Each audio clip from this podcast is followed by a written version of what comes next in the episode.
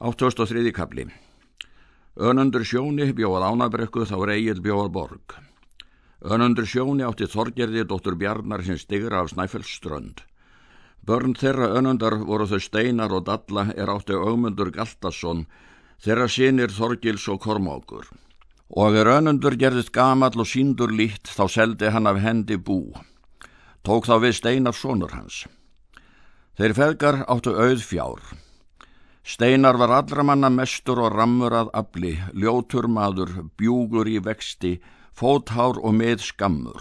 Steinar var uppivöðslu maður mikill og ákáða maður, ódæll og harfengur og henn mesti kappsmaður. Og er Þorstin Egilson bjóða borg þá gerðist þegar fátt með þeim steinari.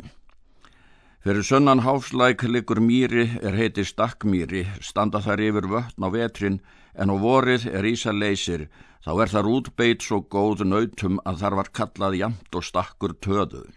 Háslækur ég þar landamerkjum að fornu fari.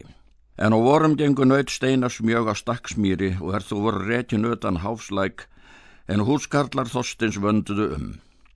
Steinar gaf því engan gaum og fór svo fram hér fyrsta sömar að ekki var til tíðinda.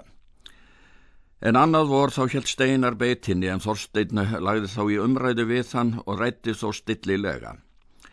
Baðan Steinar að halda beit búfjór síns svo sem að forna hafi verið.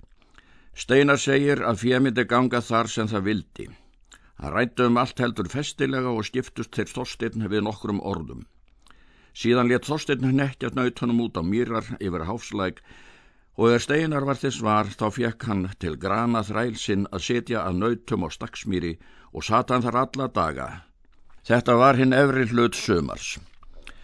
Beittust þó upp allar engjar fyrir sunnan háfslæk. Nú var það einn dag að Þorstinn hefði gengið upp og borg að sjá um. Hann sá hvar naut Steinars fórum. Hann gekk út á mýrar, það var síðdags. Hann sá að nautin voru þá komið langt út í holtasundið. Þorstein rann út um mýrar og er granis á það þá rak hann nautin óvægilega til þessir þú koma á stöðul. Þorstein kom þá eftir og hittust til grani í garðsliðinu. Þorstein vó hann þar. Það heitir granallið síðan. Það er á túngarðinu. Þorstein hratt garðinum ofan á grana og huldi svo hræ hans. Síðan fór Þorstein heim til borgar en konur þær er til stöðulsfóru fundu grana þar er hann lág. Eftir það fóru þær heim til hús og sögðu Steinari þessi tíðindi. Steinar leti hann uppi í holtunum, síðan fekk Steinar til annan þræl að fylgja nautunum og er svo eigi nefndur. Þorstein let þá sem hann vissi eigi um beit þar sem eftir var sumarsins. Það var til tíðinda að Steinar fór hinn fyrra hlut að vetrar út á Snæfellströnd og dvaldi þar um hríð. Steinar sá þá þræl er þrándur hétt. Hann var allra manna mestur og sterkastur. Steinar falaði þræl þann og bauð til verð mikið en sá er átti þrælin matan fyrir þrjármerkur silfurs og matan hálfu dýra en meðal þræl og var það kaup þeirra. Hann hefði þrándur með sér heim. Og er þeir komið heim þá ræðir Steinar við þránd. Nú er svo til farið að ég vil hafa verknað af þér. Er hér skipað áður til verka allra. Nú munegu verk fyrir þig leggja er þér er lít erfiði í. Þú skalt setja á nautum mínum. Þykir mér það miklu skipta að þeim sé vel til haga haldið. Velega þú hafir þar einskismanns hófið nefna þitt hvar hægir bestur á mýrum.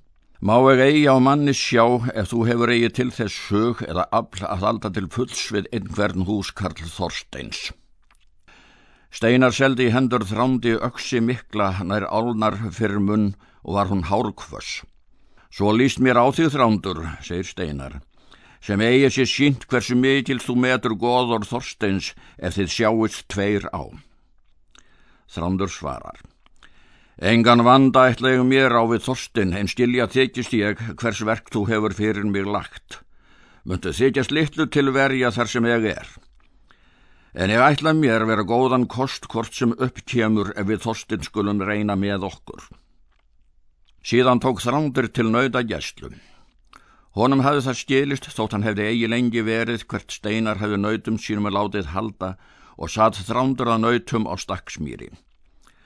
Og er Þorstein var þess var, þá sendi hann húskarl sinn til fundar við þránd og bað segja honum landamerki með þeim steinari. Og er húskall hitið þránd þá sagði hann honum erindi sín og bað hann halda nautunum annan veg, sagði að þar var land Þorsteins Egilsonar er nautun voru þá íkomin. Þrándur segir, Það hyrði ég aldrei hvort þeirra land á, munum naut hafa þar sem mér þykir hægi bestur. Síðan stildust þeir. Fór húskall heim og segir Þorstinni svör þrælsins. Þorstein let á kyrt vera en þrándur tók það að setjaði nautum nætur og daga.